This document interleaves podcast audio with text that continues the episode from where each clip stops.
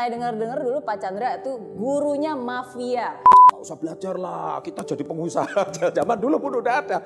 Les gini nggak ada gunanya. Karena kata-kata teman kita, orang kata-kata orang juga nggak bayar cicilan kita, Miss. Nggak bayar cicilan motor kamu, nggak bayar cicilan mobil kamu, nggak bayar cicilan uh, rumah kamu gitu loh. Jadi kalau dia nggak bayar cicilan tuh shut your mouth please gitu loh. Pandemi ini Anda jangan cuma melihat di berita media, wah banyak orang bertumbangan, PHK masal. Eh jangan salah, justru di pandemi ini banyak miliarder baru bermunculan. Kegagalan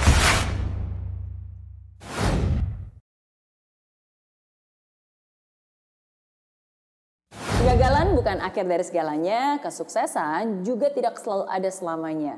Maka dari itu niat, kemauan, keyakinan untuk terus melangkah itu yang harus dimiliki. Nah, jadi di Zero to Hero hari ini saya kedatangan sosok yang luar biasa, Pak Chandra Putra Negara. Yeay.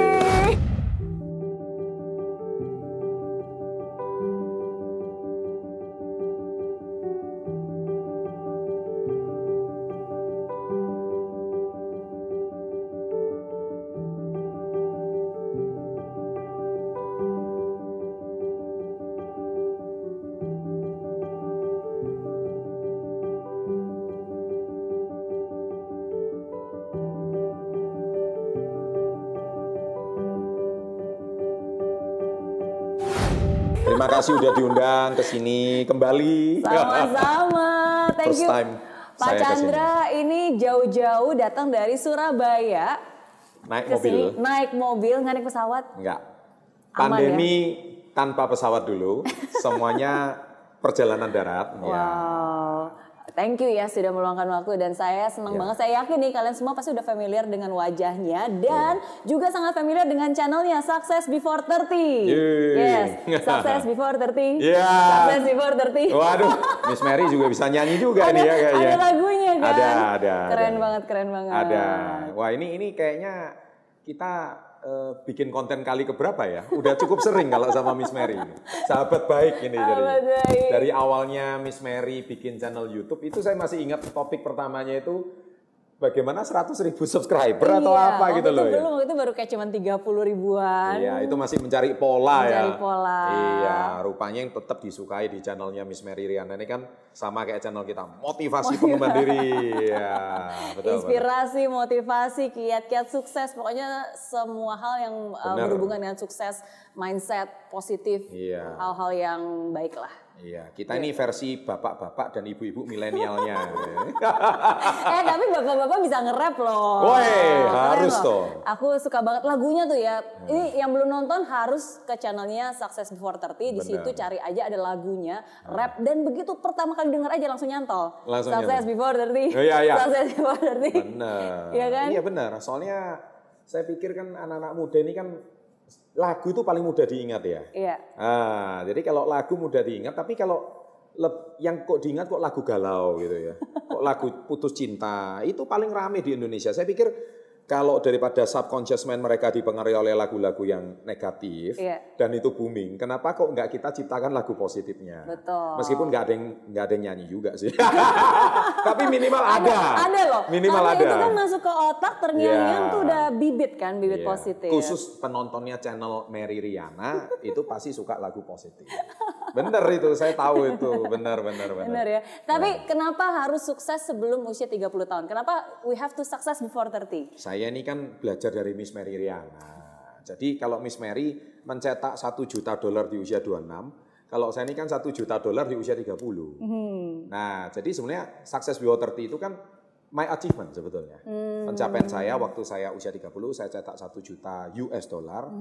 Kalau lebih uang sekarang 15 M, itu Hmm. Iya. pencapaian saya, my first achievement yang ya istilahnya pencapaian pribadi yang saya paling ya gitulah ya dalam hidup. Iya. Akhirnya ya saya merasa ya itu perlu diapresiasi. Dan belajar dari pengalaman hidup saya, terkena badai pasti berlalu, terkena badai padahal di usia 22 sudah minus, habis-habisan, usia 25 utangnya semua lunas, malah lima tahun kemudian cetak satu juta dolar. Nah itu kan Oke. sesuatu yang sebetulnya menurut saya pribadi adalah uh, achievement yang perlu uh, tujuannya untuk menginspirasi. Sama kayak Miss Mary. betul. Sehingga ketika Gue versi cowoknya lah. ya, ya, ya, ya, benar. Wah, Kalau anda lihat ya, kalau kalian lihat nih uh, salah satu ciri orang sukses adalah selalu punya kerendahan hati. Tidak peduli berapapun posisinya, tidak peduli berapapun achievementnya, tapi tetap rendah hati. Masa Benar sih? ya? Harus, harus. Nggak boleh sombong ya. ya, ya. Saya belajar dari Miss Sama-sama. Mary Riana. Benar. Iya, tapi guys, Hmm. um, kalau misalnya kayak tadi kan, memang kita harus sukses di usia muda. Karena kalau bisa sukses di usia muda, kenapa harus tunggu sampai tua? Bener nggak? Eh, ya, justru gini. Menurut saya anak-anak muda sekarang ini kan beda sama anak-anak muda zaman dulu. Mhm. Kalau zaman kita dulu itu kan kalau lihat kita lihat tokoh sukses itu kan dari buku, Iya. dari eh, newspaper, dari magazine ya.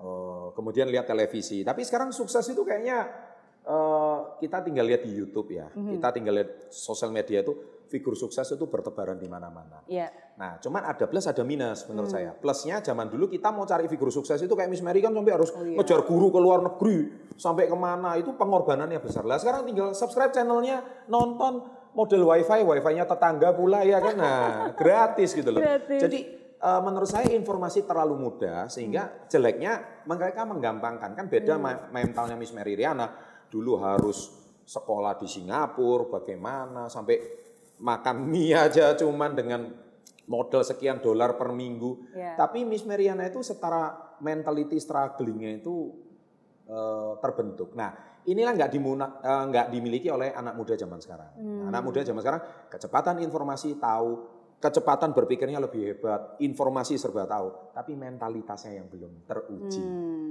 Nah, kalau Anda bisa mengambil, nggak usah ngomong 100%, 20% aja punya Miss Mary Riana, Anda pasti sukses sebelum 30. Nah, saya jamin.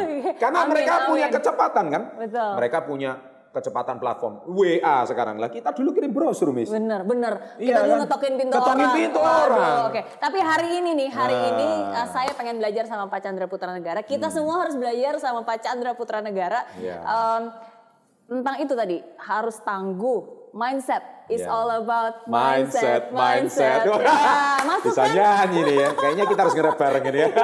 itu lagunya lagunya benar-benar uh, Yeah. nyantol which is Yeah. good oke nah Yeah. tapi again kalau misalnya kita melihat dari perjalanan dari uh, seorang Pak Chandra Putra Negara oke panggilan singkatnya apa nih Pak Chandra Ya, sebetulnya kalau dulu nama formilnya Pak Chandra, tapi kan sekarang kita nih usia kan semakin hari semakin muda nih. Jadi ya. apa? Pengennya panggil Koko. Oh, oke oke Gak, gak apa-apa, gak apa-apa.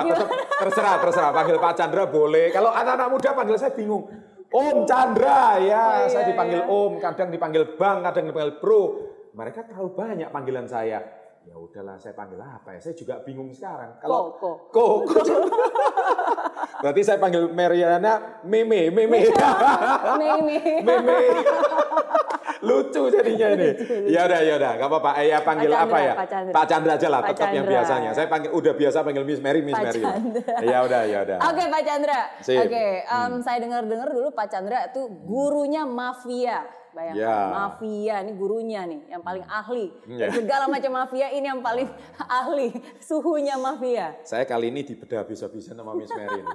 Ya udah deh, ini wajib subscribe channel ini sekarang karena Miss Mary berhasil menelanjangi saya habis-habisan ini. Ya, ya udah. Iya. Mafia itu matematika, fisika, kimia. Nah, Jadi itu. gini, kalau biasa kan Anda sudah dengar kisahnya Miss Mary, kali ini Miss Mary membedah kisah saya. Gitu. Benar.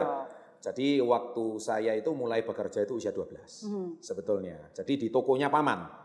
Paman itu punya toko kelontong. Ayah saya pedagang beras. Hmm. Ya, sebetulnya karena ceritanya itu kan kakeknya ayah saya itu termasuk salah satu orang terpandang dulu zaman dulu di kota Surabaya, pedagang Hmm, beras. oke. Karena dia perantauan dari eh, China, ya. Jadi saya ini generasi keempat keturunan Tionghoa di Indonesia.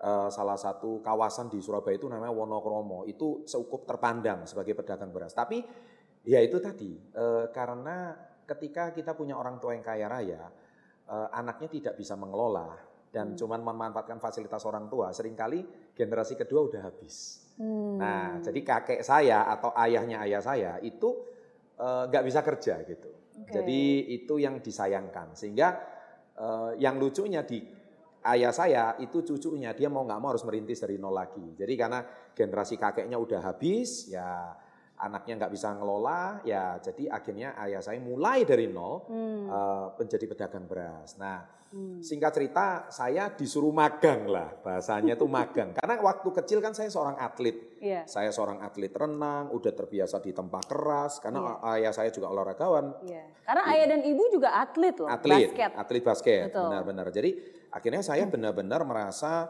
eh, bagaimana proses di tempat kita dari kecil itu udah dari biasa di tempat olahraga. Kenapa olahraga? Karena olahraga itu melatih sportivitas. Hmm. Jadi kita tidak mudah menyerah. Jadi nggak punya mental maaf korupsi. Iya. Eh, kalau kita pusat 40 disuruh 50. Nah, kita eh, kalau lari 5 putaran, kalau bisa kita 6 putaran. Jadi Hmm. kita terbiasa harus membayar harga. Kita Hmm. terbiasa harus capek.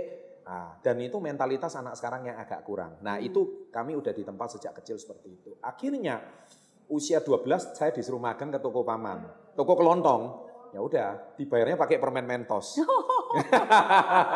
ya namanya anak kecil Sama kan anak kecil suka senang ya, senang. ya namanya anak SD Iya. ya, ya. Itu awal saya pertama kali saya bekerja digaji dengan Iya. permen gitu. Saya senang karena butuhnya butuh permen kan. Berarti di toko kelontong apa jual-jual Jual uh, ini, bahan-bahan uh, kebutuhan sembako, sehari-hari. kebutuhan sehari-hari. Oke, ya, toko oke. kelontong lah ya. Iya, iya. Ya seperti jual rokok, jual roti, Hmm. jual ya jual permen, jual ya kayak Alfamart zaman now lah. Iya. Tapi itu toko zaman dulu Zaman lah. dulu. Nah, seperti kayak gitu, toko retail juga. Nah, itu berlangsung sampai saya SMP, SMA, tamat. Nah, krisis 97, mirip kayak kisahnya Miss Hmm. Mary. Iya. Nah, ayah saya usahanya hutang bank. Nah, US dollar dari 1.700 naik ke 15.000. Iya.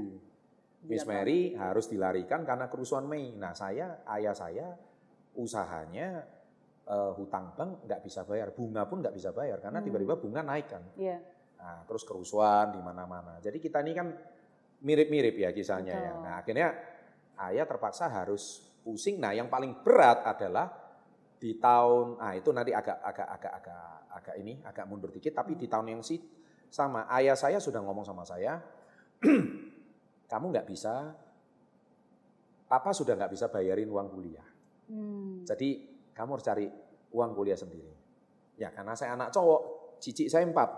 Saya anak cowok nomor lima. Saya ngomong, ya sudah pak, ya mau nggak mau. Hmm. Nah bisanya cuman apa? Bisanya cuman menjadi guru les kan. Ya mau nggak mau. Jadi ketika Pintar kondisi berarti waktu di sekolah. lumayan. Karena dulu juga les. Jadi sayang kalau bayar uang les, sekarang harus saatnya balik modal. Emang mental pengusaha. mental ya. pengusaha Iya. gitu ya. Jadi eh, papa mama juga sudah membiayai kita sekolah, Iya, ya iya. saatnya kita harus bagaimana tetap harus bisa kuliah. Nah, akhirnya nggak menemukan tujuan ya. Waktu kuliah itu kan saya juga, waduh ini krisis ya. Hmm. Tapi setelah tamat, apakah jaminan kita ini sama lah kayak kegalauan anak-anak muda sekarang? Iya. Apakah saya tamat sarjana nanti dijamin pasti bisa bagus, karirnya cemerlang? Kegalauan Anda semua itu sudah saya alami. Sudah kami alami gitu loh, Itu sama. Kegalauan di setiap generasi itu selalu Semua, ada. Semua sama. generasi. Tapi kita yang harus adalah terus melangkah. Karena Hmm. kita nggak tahu di depan itu ada apa kan. Betul. Ya kita harus terus melangkah. Nah, dulu tujuan kuliah, wah nanti kalau lulus cepat dapat kerja, ya kan? Nah itu sama kan. Tapi akhirnya saya nggak pernah melamar pekerjaan sampai detik ini. Nah, itu nanti kisahnya saya Iya. ceritakan. Jadi intinya untuk menambung nafas hidup, Hmm. ya kan? Nah saya akhirnya menjadi guru les. Hmm. Nah itu guru les mafia itu dari situ ceritanya. Jadi lumayan muridnya satu bawa teman-teman teman-teman teman-teman. Saya masih ingat itu satu bulan dibayar 50 ribu saya. Iya. Nah, eh, lumayan. Terus punya mantan pacar pertama. Waduh, jadi minimal kalau nonton ke bioskop nggak minta duit sama papa mama. jadi ya bisa kencan minimal nonton bisa beliin Coca-Cola lah. Betul, mandiri loh. Itu Mandiri. kebanggaan tersendiri loh. Kebanggaan tersendiri ya, kan? cuman umurnya cuma tiga bulan, habis itu putus. Nggak apa-apa. Nggak apa masalah. Yes, betul. nah ini kan masalah kegalauan anak muda nih ya. Benar. Jadi Iya banyak ada- anak muda sekarang baru putus cinta sekali Nah. aja seakan-akan dunia itu runtuh gitu nanti ya. nanti kita mengulik kisah percintaannya Miss Mary di channel saya nanti. Ntar harus itu. Loh, sukses before 30 itu termasuk sukses dalam usia pernikahan loh. Betul. Nah, menemukan pasangan hidup itu penting itu. Betul. Nggak jangan cuma duit doang, tapi kalau duit banyak tapi pasangannya bucin terus ya susah ini nanti. Nanti ya, nanti, nonton ya, nanti, nanti nanti. nonton, nonton. Nah, jadi Oke. saya akhirnya memutuskan, oke deh, saya memutuskan untuk eh, berdikari. Hmm. Jadi saya menjadi guru les privat, matematika, fisika, kimia, karena bisanya itu. Hmm. Karena nggak mungkin les PMP itu nggak mungkin kan. les PPKN, les biologi itu kan nggak mungkin. Yang bisa les cuma mafia ya, ya sudah lah di situ. Akhirnya dari uang les tersebut saya bisa menyambung kuliah.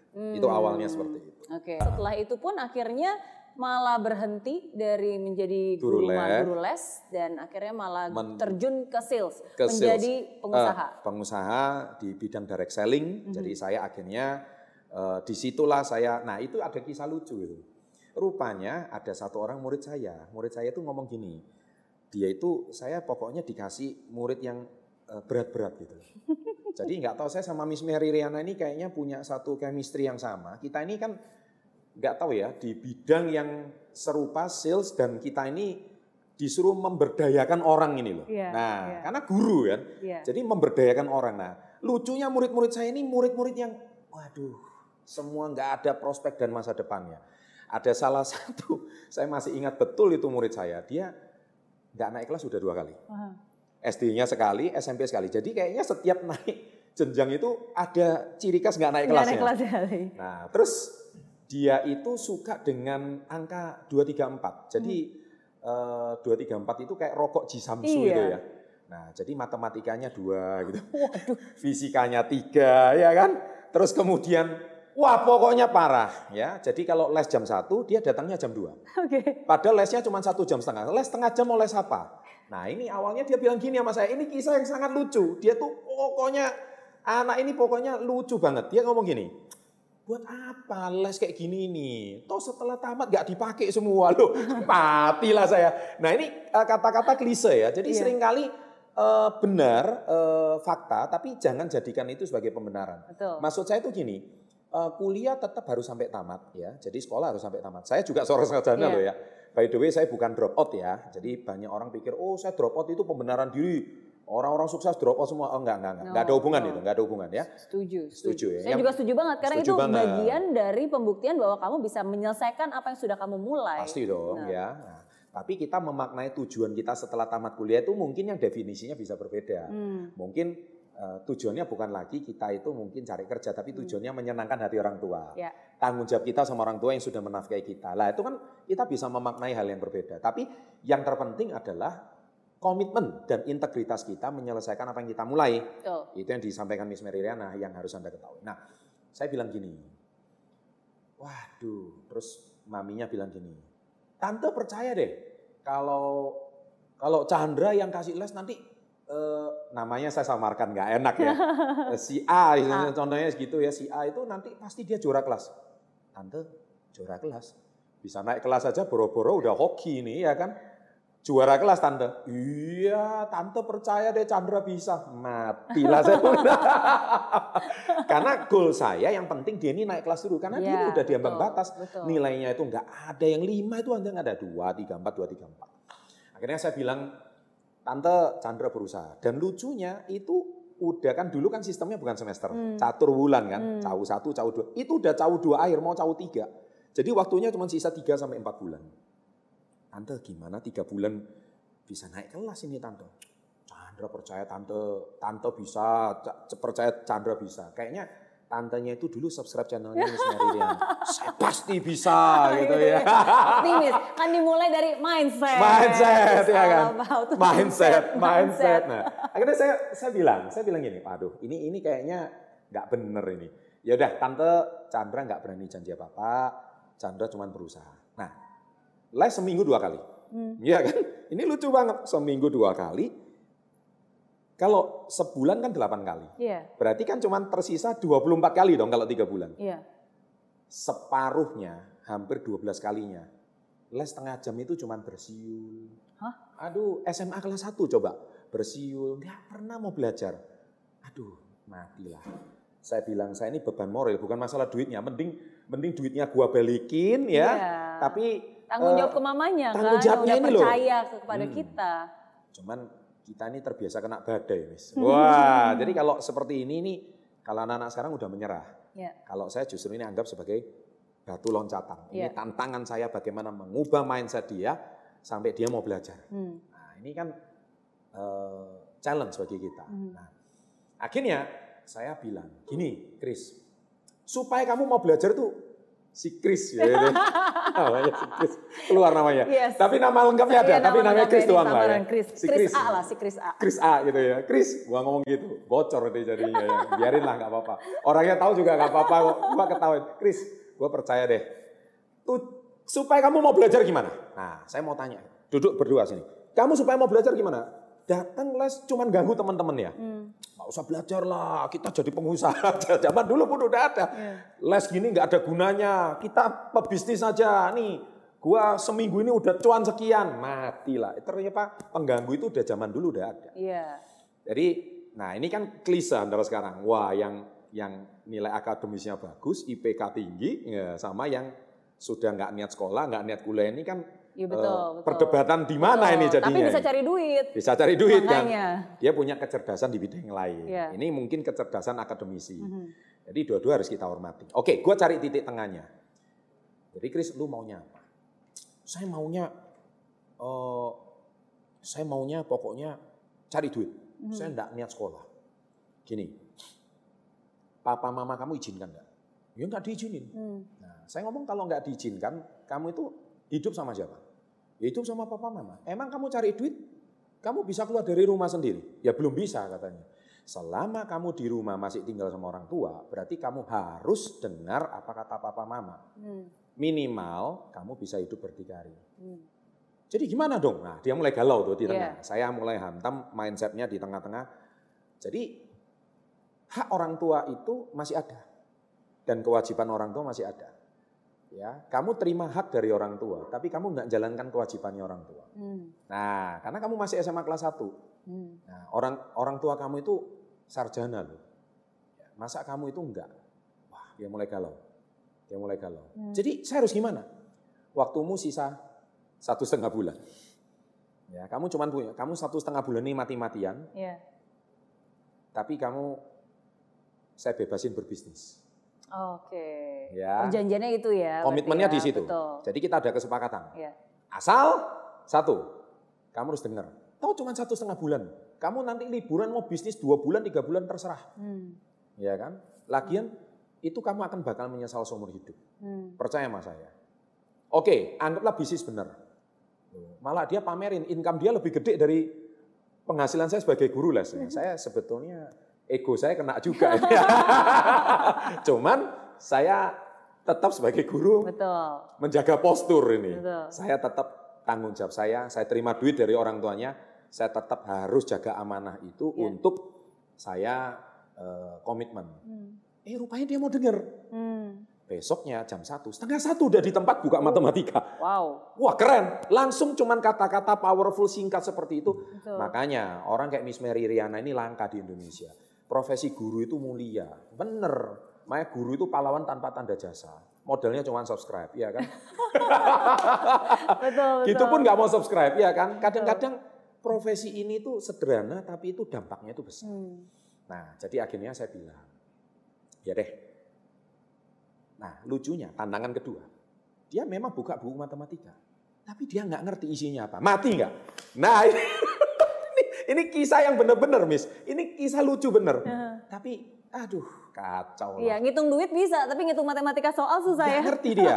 Nah, ilmunya aljabar, Iya, trigonometri. Aduh, ini ini kan bingung. Iya. Dia dia dia saya juga nggak tahu. Ternyata sejarahnya dia dia naik kelas itu selalu dikatrol nilainya. Hmm. Nggak pernah dia nilainya itu benar-benar dari perjuangannya dia sendiri. Hmm. Dia punya kecerdasan di bidang yang lain dan ini kan banyak ya. Iya. Murid-muridnya Miss Mary Riana atau Betul, setiap orang ya punya different apa Iya. tipe-tipe kecerdasan. lah. kecerdasan yang beda-beda. Iya. Nah, akhirnya saya menemukan talenta dia di sana, tapi saya eh, bukan memaksa dia untuk jadi juara kelas, tapi minimal mengajarkan dia tentang nilai integritas, Hmm. nilai dia berbakti sama orang tua. Nah, nilai itu yang harus kita tanamkan dan dia tersentuh di situ. Hmm. Ya benar sih ya, dia bilang, iya masa saya nggak pernah nyenengin hati orang Hmm. tua. Nah, kena di situ dan akhirnya dia, saya tahu dia tersiksa sekali itu belajar. Hmm. Selama satu bulan setengah dia tersiksa, tapi dari kesungguhan hatinya, dia sampai meneteskan air mata. Cowok loh, Hmm. belajar tuh sampai setengah mati. Tapi saya tetap dengan sabar. Dan akhirnya eh, dia sampai ngambil les tambahan. Biasanya seminggu dua kali. Saya mau les setiap hari. Saya lepas dulu bisnis saya satu bulan setengah ini. Ih gila.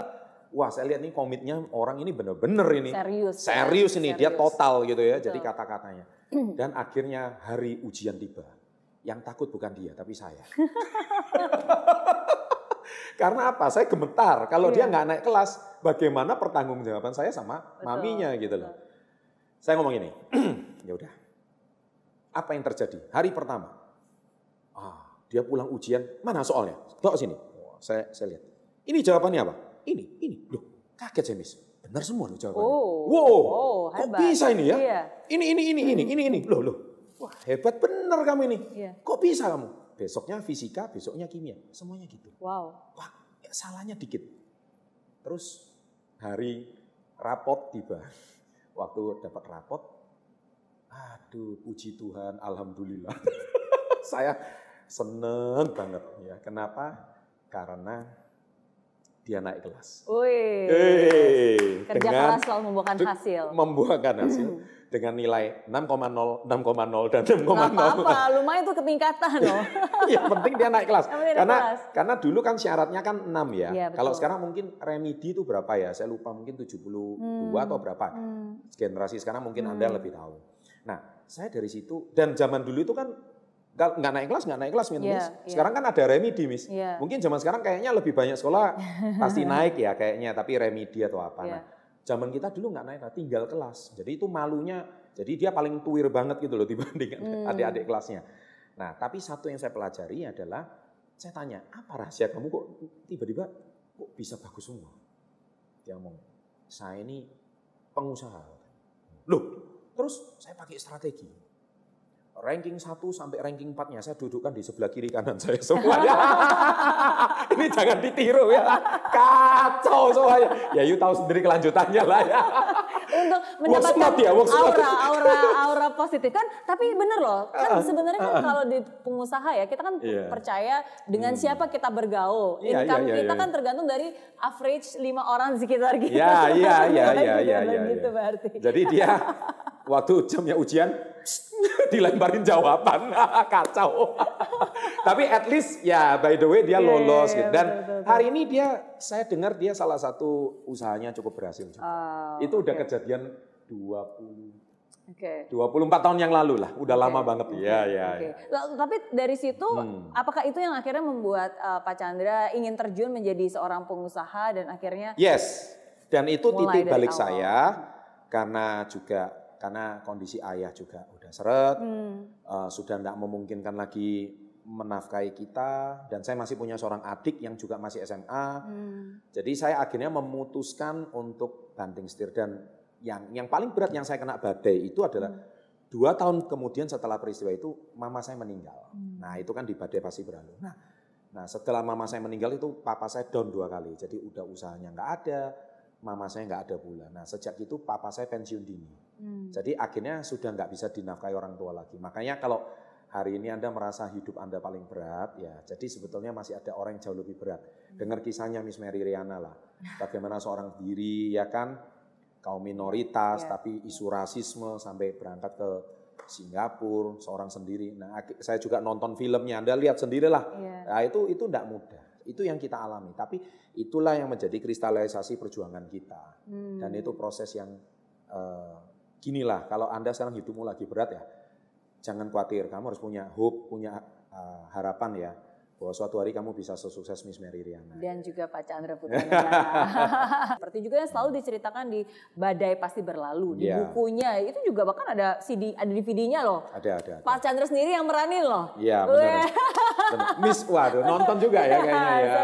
Nah, ta- tapi dari situ saya belajar dan saya tahu bahwa eh, harapan aja itu juga nggak cukup. Kita Ya. harus maju apa pun situasinya. Melangkah terus. Melangkah terus, apa pun situasinya, termasuk em, di tahun pertama ketika waktu itu Pak Chandra terjun ke dunia sales, Iya. itu ya saya baca, saya nonton, saya dengar ceritanya, itu Betul. saya merinding sendiri. Kenapa? Karena ya kita melalui sa- saat-saat yang sama gitu, di mana Iya. kita harus eh, ngetokin pintu rumah orang, Betul. jualan, Betul. Dikatain Buang rasa orang. malu, buang rasa gengsi. Sekarang bukan ngetokin pintu orang, ngetoki WA orang aja sekarang. iya kan, jadi Iya. kalau saat pandemi gini Anda usaha Anda jatuh terus sekarang giliran Anda buka PO jualan makanan ya nggak usah malu lah. Iya. Iya kan? Yang penting selama itu halal ya dikerjakan lah. Iya. Ya kan mau mau gengsi dimakan nggak bakal kenyang kok uang sekolah juga nggak bakal dibayar kok. Itu kan itu kan di sini logikanya Pak Chandra. Iya, iya. Tapi kalau yang namanya kata-kata udah turun ke hati itu Hmm. nggak bisa dipungkiri. Mau kita logika kita tahu seperti apa, tapi tetap aja kan membekas.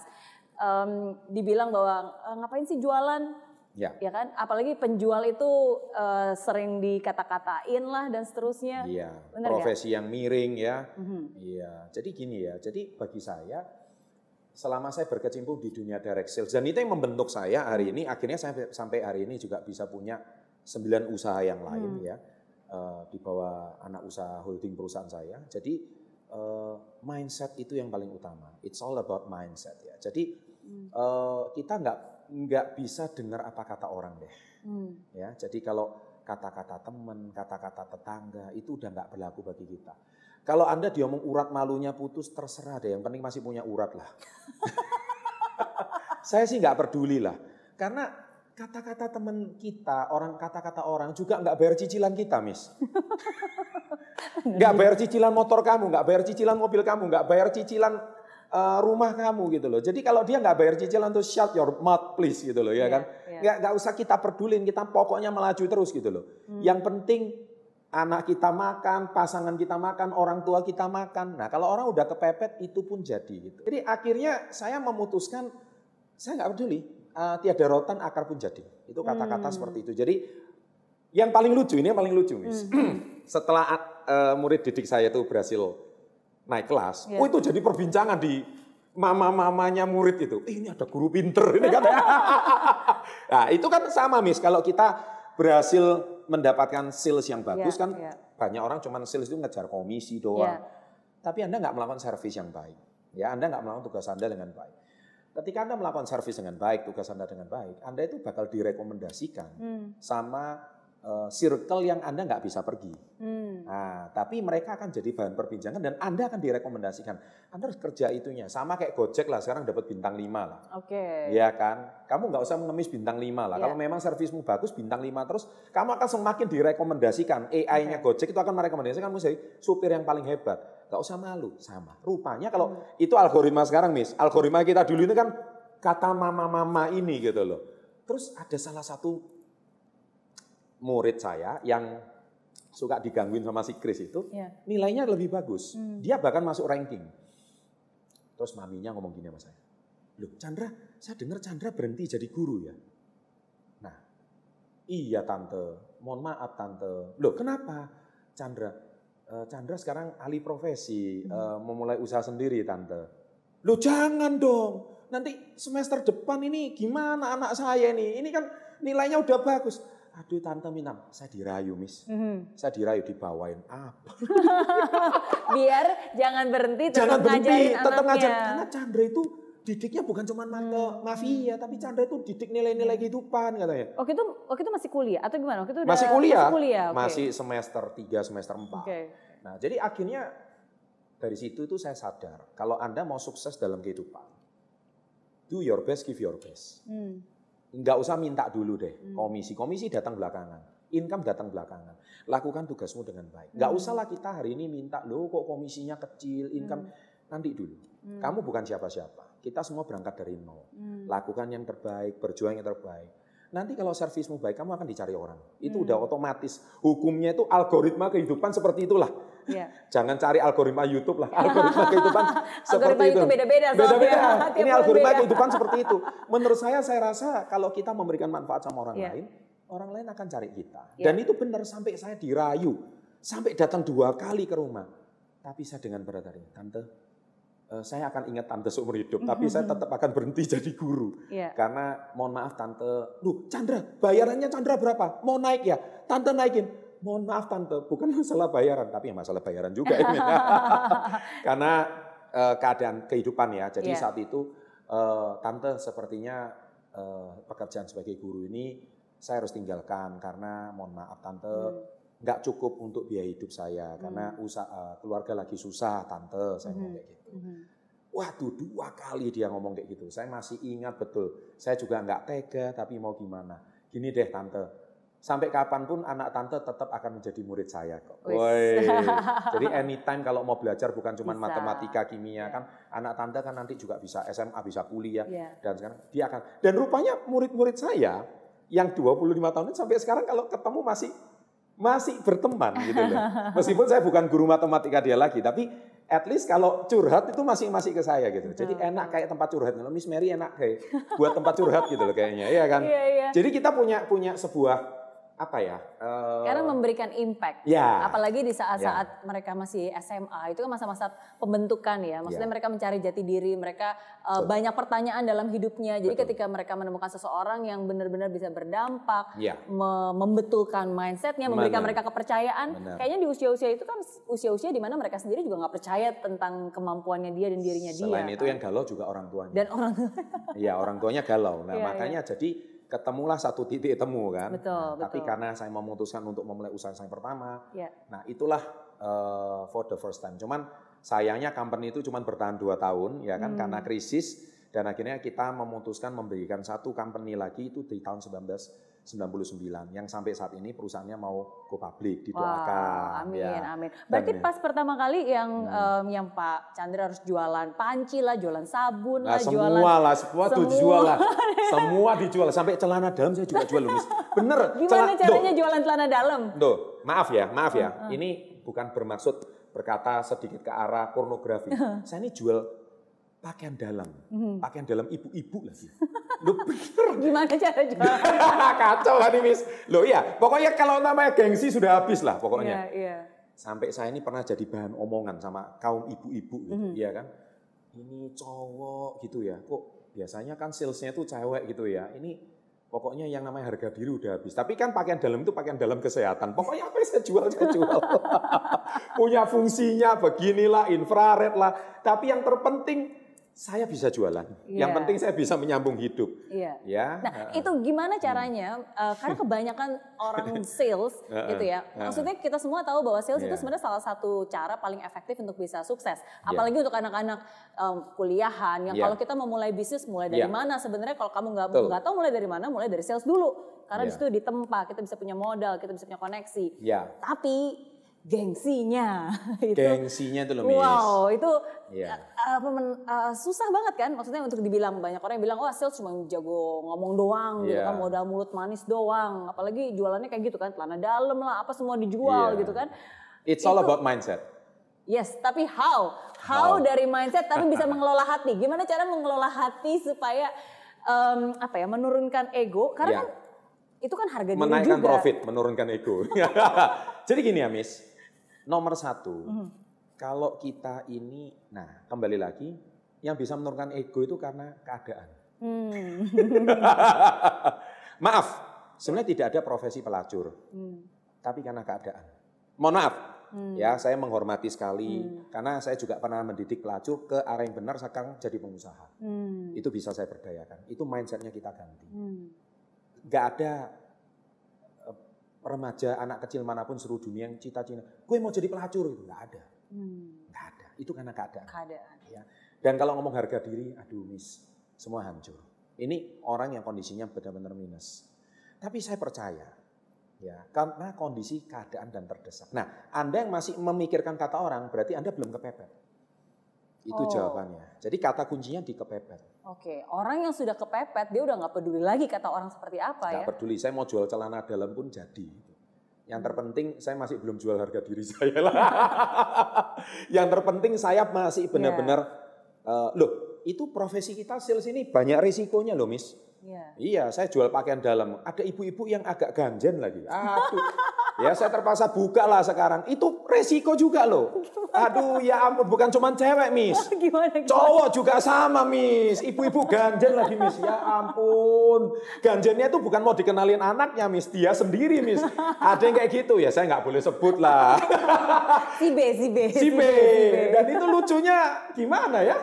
Ya ampun ya mungkin ibu-ibu kesepian ya. Uang duit banyak ya. Tapi suaminya bisnis keliling terus ya kesepian. Makanya terjadi banyak kasus perselingkuhan di eh, tempat fitness itu kan sama. Guru fitnessnya itu memberikan servis yang baik. Setelah itu berlanjut ke mana saya juga nggak ngerti gitu ya. Tapi intinya itu saya mengalami masa-masa itu Iya. gitu loh. Tapi Ya kita tetap profesional lah Miss ya. Hmm. Kita tetap mohon maaf saya cuma profesinya sebatas menjual Iya, pakaian. iya. Nggak ada lebih gitu ya. Iya. Jadi kalau ada lebih, nah rupanya, nah ya itu tadi Miss, seperti kayak saya bisa mengubah mindset anak muda itu, Hmm. rupanya baper yang dijualin ini. Bapernya sampai bukan cuman pakaian dalamnya dibeli nggak satu, Miss, banyak, Miss. Oh, Lusinan, iya. Miss. Waduh. Ya itu yang tujuannya kita kan seperti itu. Tapi kan tetap kita profesional. Iya, Saya rasa betul. Miss Mary juga Betul, betul. pasti punya pengalaman serupa ya. Kalau selama Miss Mary dulu juga sebagai di dunia sales juga. Eh, tapi itu memang resiko profit. Tapi yang penting saya komit, yang penting saya bisa bantu ekonomi keluarga. Iya, Kondisi memang waktu itu memang betul-betul parah. iya.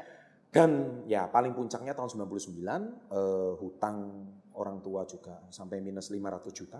Duit eh, US dollar masih 2000-an. Itu Hmm. kalau diduitkan sekarang kali 10 Miss Hmm. kayak 5 miliar wah kepala mau pusing Iya. itu ya kan mau seperti kayak gimana tapi ya sudah dalam tiga tahun setengah dari dunia usaha saya yang pertama lunas semuanya hutang Wow. yang paling berat itu miss waktu ibu saya sakit uh telepon berteroran ke mana-mana menagih hutang aduh saya bilang Karena padahal dihutangin tapi dituduh ngutang gitu bukan kan.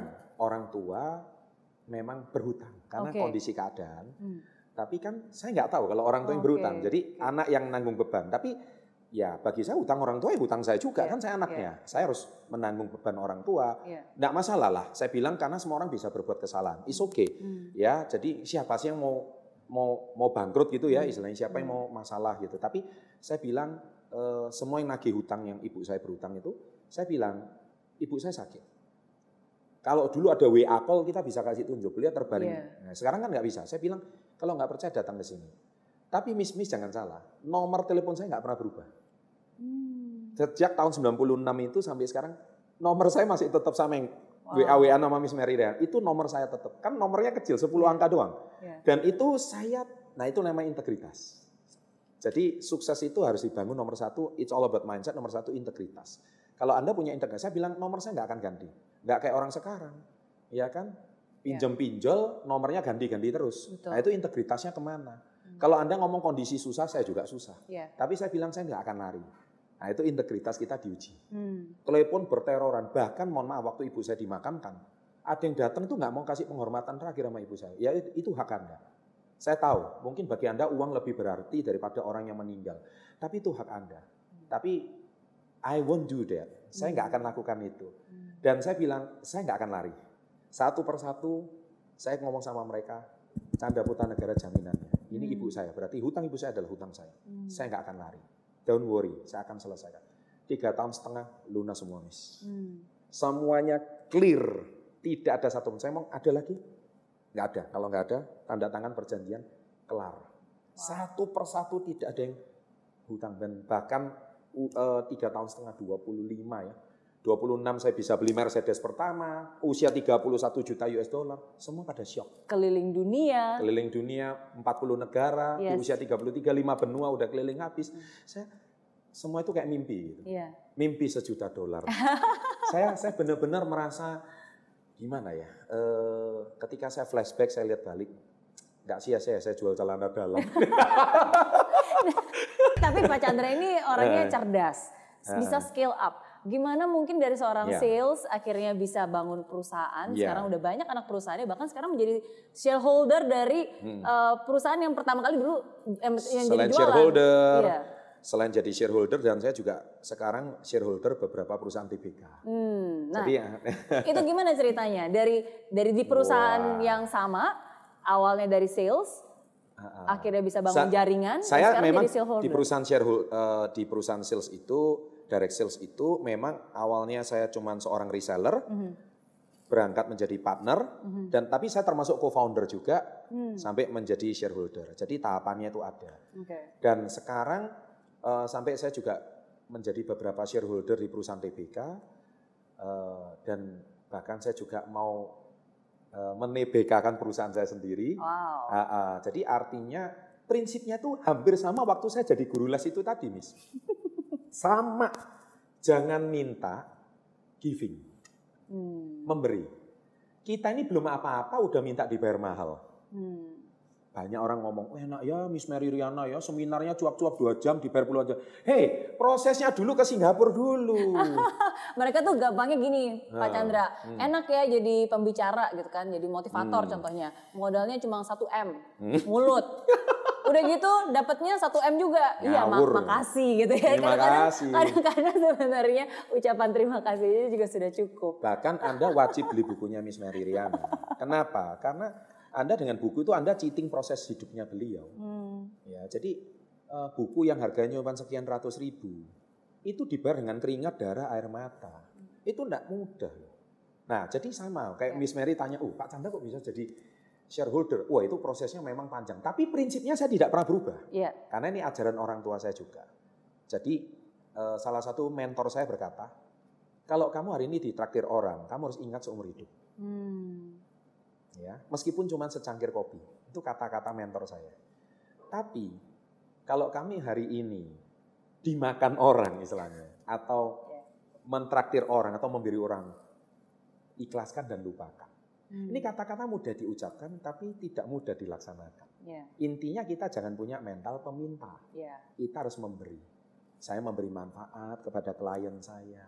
Saya memberi manfaat pada murid saya. Saya memberi manfaat pada pemilik bos atau founder eh, tempat saya awalnya menjadi reseller.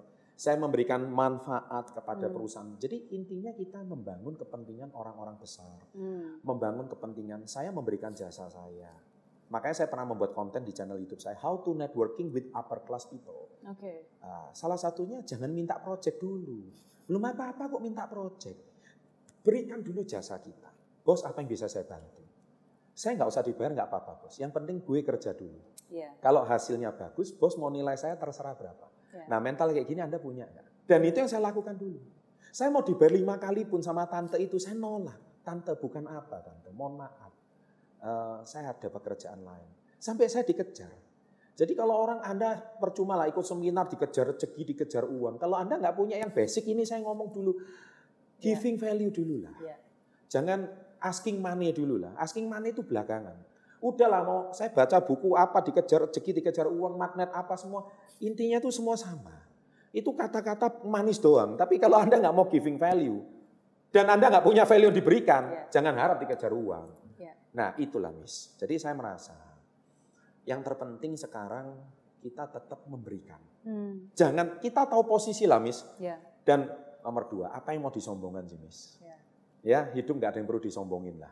Saya rasa banyak orang-orang besar, konglomerat-konglomerat besar, mereka juga berangkat dari kisah yang tidak mudah. Hmm. Saya juga merasa kalau tuh mereka seperti itu humble, kita harusnya jauh lebih humble. Iya. Kita malu Miss, kalau dikit-dikit baru punya sesuatu kita udah pamerin. Pamer, aduh, ya, aduh betul. jangan, jangan.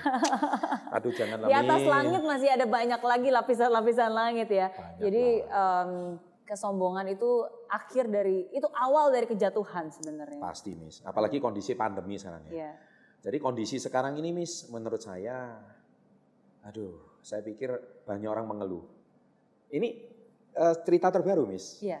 cerita terbaru. Bulan Maret kemarin kan saya harusnya gathering nih. Di Bangkok, 3.000 orang. Iya. Ya sama kayak Miss Mary, warriornya bergabung. Iya. 3.000 orang Miss. Siapa tahu ada corona dan itu kita udah prepare setengah tahun yang lalu, holding company kita.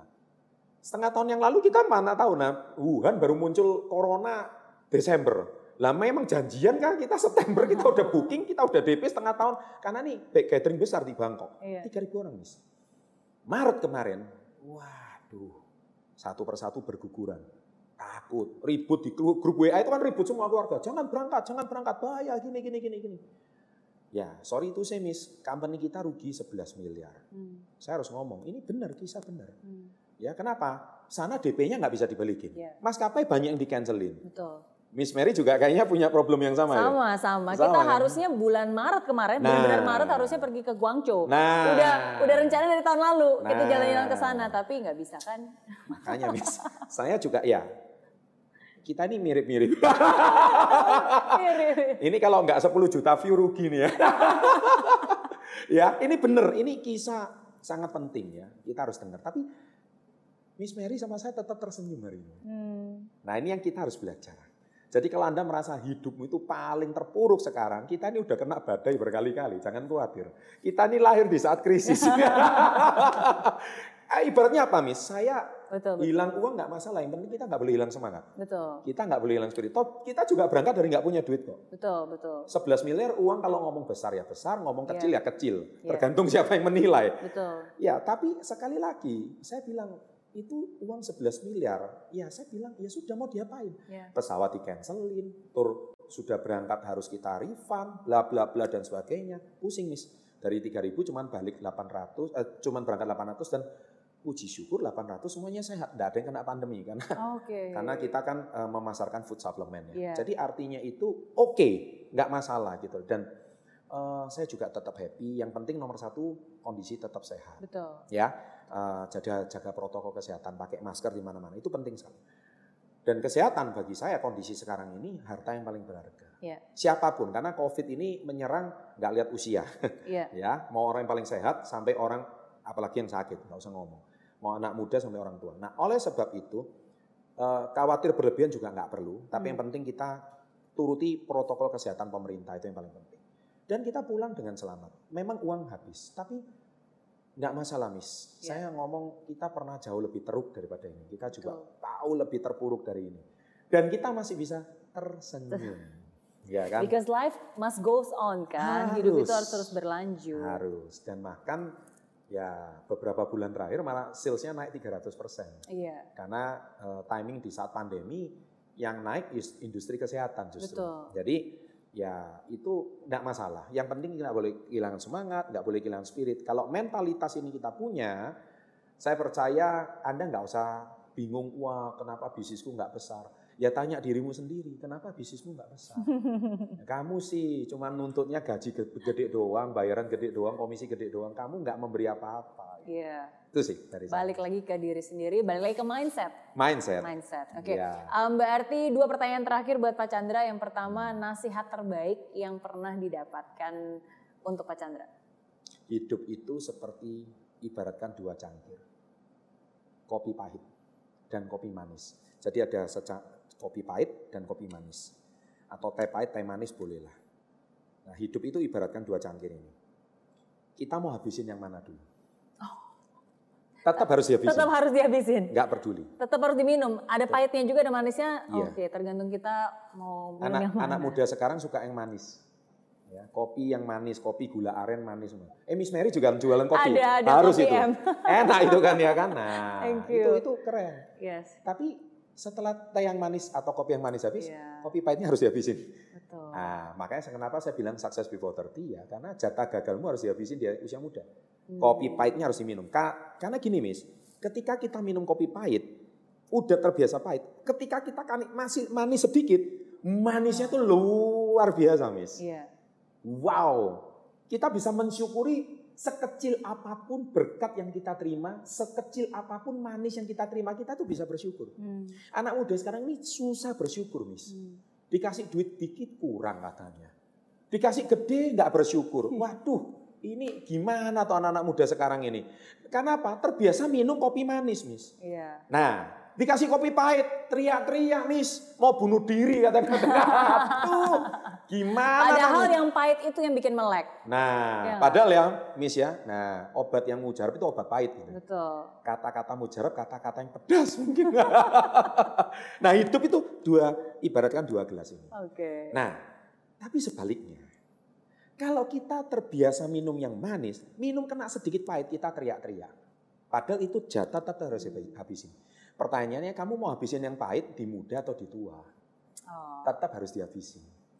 iya. Nah, akhirnya banyak anak-anak sekarang mereka lebih mudah merasa insecure, merasa tidak nyaman karena terbiasa manis dan informasinya manis loh, Miss. Kita dulu harus ke perpustakaan ya, Miss ya, cari ca- ke library ya, harus duduk di sana baca benar, gitu. benar. Lah sekarang googling aja ketemu semua, Miss. Iya. Di library pun carinya harus pakai katalog, nggak bisa pakai search. Nggak bisa kan? kata kunci keluar mana bisa, Miss. Jadi kita ini udah terbiasa pahit, Miss. Iya, iya. Ya, jadi anak muda sekarang pesan saya, dua cangkir ini harus kamu habisi. Hmm. Jadi kalau sekarang pandemi bersyukurlah. Hmm. Kamu masih bisa bernafas bersyukurlah. Oke. Carilah celah bersyukur. Oke. Selama kamu masih bisa menghasilkan jualan kue, PO, masih bisa laku, bersyukurlah. Yang penting uang sekolah anak tetap jalan. Hmm. Loh, kasihan loh, istri saya ini di grup WA-nya ibu-ibu anak sekolah itu ada beberapa ibu yang sudah tidak bisa bayar uang sekolah. Aduh, kasihan ya. Saya bilang,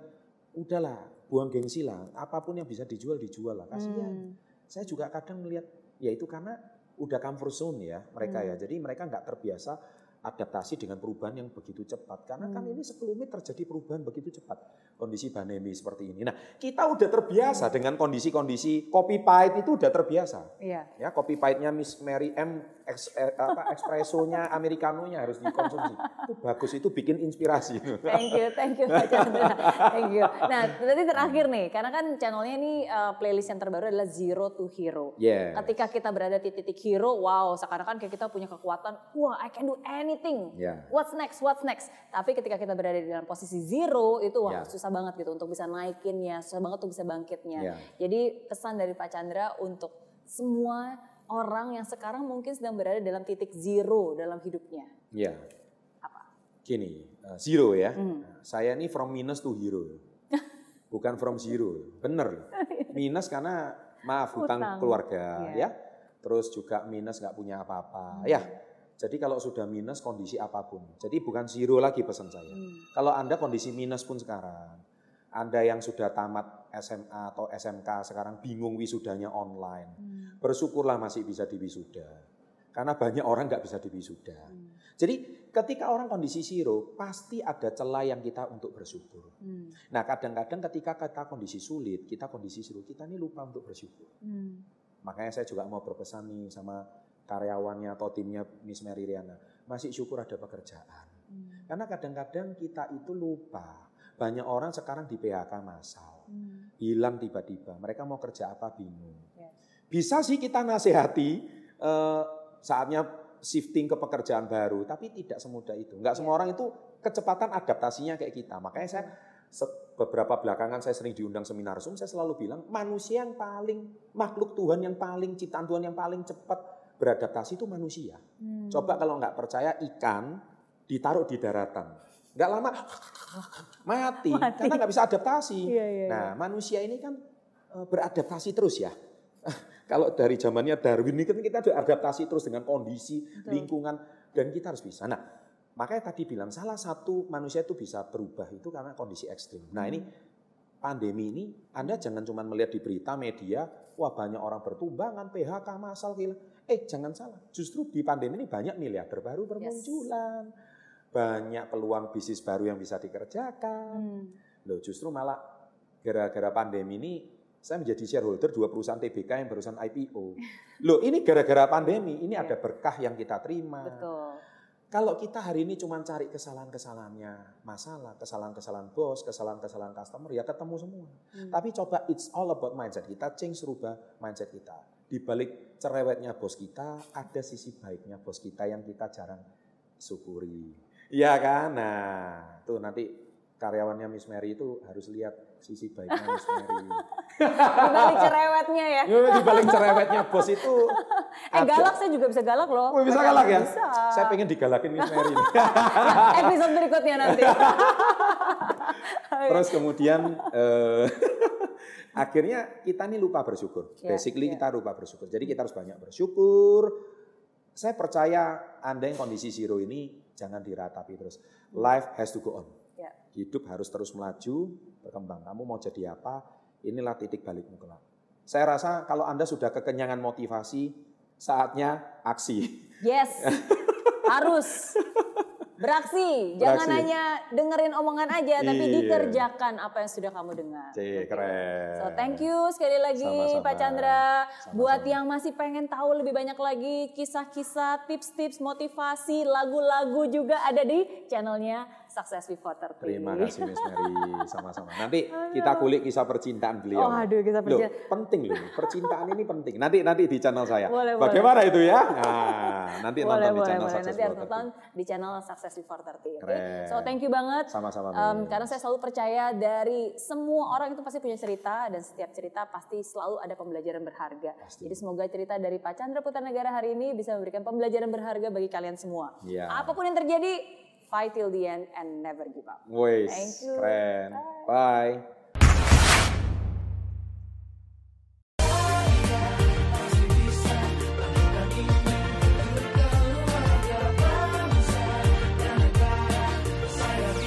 Ya, ah, tanpa hujan, hidup tanpa tujuan, kering dan mati tanpa hijaunya tumbuhan. Ah, demikian kalau mimpi tak kunjung terjadi.